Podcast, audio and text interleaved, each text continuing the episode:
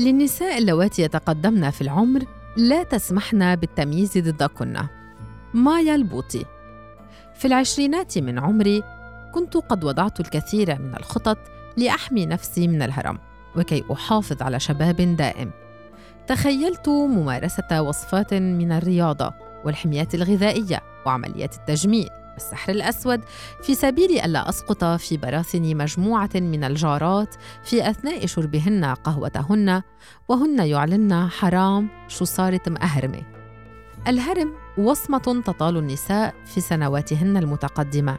إن لم يستطعن الحفاظ على صورتهن كما في العشرينات من أعمارهن. كبرت مع خوف من الهرم. أشبعته بآليات من الدفاع النفسي الواهمة بأنه لن يطالني. وبأنني محصنة الآن ومع مرور أعوام في المنفى وعلى خلفية هزيمة إنسانية طالت بلادي وأهلي ومع خسارات لا تعد أجدني قد هرمت. وسقطت أوهام الشباب الدائم. في خضم الأمومة والالتزام العائلي والمهني ومع تحديات الحياة نفقد قدرتنا على التركيز الدائم على إطلالتنا. نسهى عن تغييرات وجهنا وجسدنا. وقد لا يعنينا بعض الشيء بالأبيض في شعرنا. نجد أنفسنا محاصرات بتقييم يحولنا إلى أجساد ويلغي أعواما قضيناها في اكتساب خبرات مهنية وإنسانية. لطالما سقطت في فخ الخطاب الذي يميز ضد النساء المتقدمات في العمر. وقد أخذ الأمر مني وقتا كي أستطيع أن أفهم مخاوفي ونظرتي إلى الأخريات. لذا تأتي حاجتي إلى تسليط الضوء على آليات هذا الخطاب الذي يجعلنا في قلق دائم لتقدمنا في العمر وعلى الثقافة التي تجعل من ذكر أعمار النساء وصمة يجب إخفاؤها. يأتي الفعل العامي السوري تأهرمت كفعل يوحي بذنب ارتكبته الموصوفة. فالسيدة التي تتأهرم هي سيدة تساهم في وصولها إلى مرحلة الهرم. أي أن إهمال هذه السيدة وتقاعسها عن الاهتمام بنفسها هما ما يؤديا إلى وصولها إلى هذه المرحلة. هنا تكمن إشكالية هذه الوصمة فهي ليست مجرد تمييز ضد النساء المتقدمات في العمر وتجريما لهن لمساهمتهن في خسارة شبابهن وجمالهن.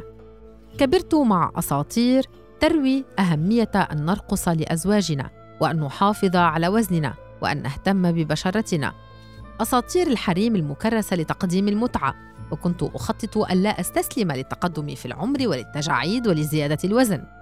لم أعلم أن الظروف التي تعيشها النساء هي التي ترسم الخطوط والعلامات على وجوههن وهي التي تغير ملامحهن. كنت أظن حقيقة أن إهمال هؤلاء النساء لأنفسهن هو ما يجعل مقاساتهن تتضاعف وظهورهن تنحني. التمييز ضد النساء المتقدمات في العمر هو عنف مضاعف.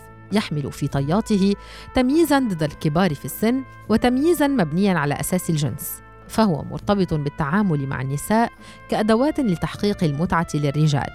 هذا المنطق يلغي إنسانية النساء ويشيئ أجسادهن كما يمنع التمييز على أساس العمر. تقدم النساء في العمل إذ تواجه السيدات في الخمسينيات من أعمارهن صعوبة في الاندماج في سوق العمل الذي ينمطهن بالعجز. ويلغي إمكانياتهن ويتجاهل الخبرات التي حققناها في دراسة تتحرى عن قضايا العمر وصورة الجسد استهدفت فئات من النساء والرجال في عمر الجامعة تبين ارتباط قيمة المرأة بالجسد بصورة تشير إلى الهشاشة بينما يمثل ارتباط الذكورة بالجسد صورة القوة والسلطة. ثنائية العقل والجسد ترسم لجسد المرأة دلالة توحي بالاضمحلال والتداعي مع التقدم في العمر بينما تتسم الذكورة بالذكاء والتطور مع مرور الزمن نتيجة تمثيلها صورة العقل. يبين بحث لكلاري كريكولا ازدواجية الادعاء الذي يجعل من تقدم المرأة في العمر أمرا مؤلما ومدعاة للخزي لعدم تمكنها من الاحتفاظ بهيئتها بما يتطابق مع معايير الجمال الاجتماعية وتوقعاتها. فالممارسات الاجتماعية تجعل من الشباب معيارا للجمال وتاليا فإن التقدم في العمر أمر مخجل بينما يرتبط تقدم الرجال في العمر بالحكمة والنفوذ والسلطة. وحسب الدراسة النساء يركزن اهتمامهن على طريقة تقديم الجسد بينما يركز الرجال اهتمامهم على وظيفة الجسد حسب الممارسات الاجتماعية وترميزاتها. يفرض العرف الاجتماعي على المرأة أدوارا محددة حسب عمرها. هذه الأدوار قد تتعارض مع رغبات المرأة واحتياجاتها. تتعرض كثيرات من النساء للهجوم في حال رغبن في الظهور في إطلالة فتية أو في حال اخترنا المشاركة في أنشطة تصنف حسب العرف أنشطة للفئات الأصغر عمراً. حتى وإن كانت السيدات قادرات جسدياً ونفسياً ومهتمات بالمشاركة فيها. وقد تتعرض هذه السيدات للتنمر وبنعتهن بمسميات مهنية إن حاولن التمرد على الأدوار المفروضة عليهن حسب عمرهن.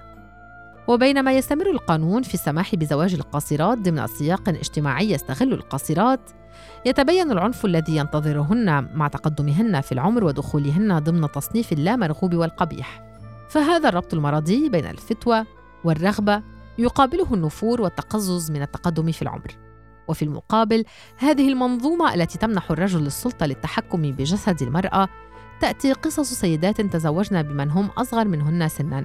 وعلى الرغم من فارق السن غير الكبير في أغلب الحالات تستمر عائلة الزوج والمجتمع في التدخل وتسميم حياة الزوجين وتصوير الزوجة كامرأة بائرة إلى أن تنتهي العلاقة بدفع الرجل للزواج بسيدة تصغره هذه المكيدة الاجتماعية تحاصر النساء وتنتصر لمنظومة تقف ضد المرأة مع تقدمها في العمر يتم التمييز ضد النساء المتقدمات في العمر في قطاعات مختلفة وخاصة في مجالات التمثيل والإعلام وغيرها.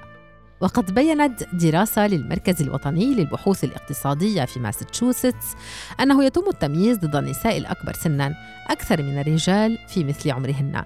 ويتم تنميطهن بالكسل وبعدم الرغبة في العمل وعدم القدرة على الإنجاز بسبب تحمل أعباء الأطفال أو مسؤولية الوالدين المسنين. تتعرض كثيرات من السيدات في مجتمعنا لخطاب لا يتهاون في رسم حدود واضحة تحدد الأدوار الاجتماعية للسيدات ضمن الفئات العمرية المتقدمة. تتبدى قضية التقدم في العمر ضمن قضايا الجندر وصورة الجسد في المنطقة العربية كمسألة أساسية يتم تجاهل الأخذ بالنظر بتأثيراتها على المرأة وإنتاجيتها ودورها في المجتمع.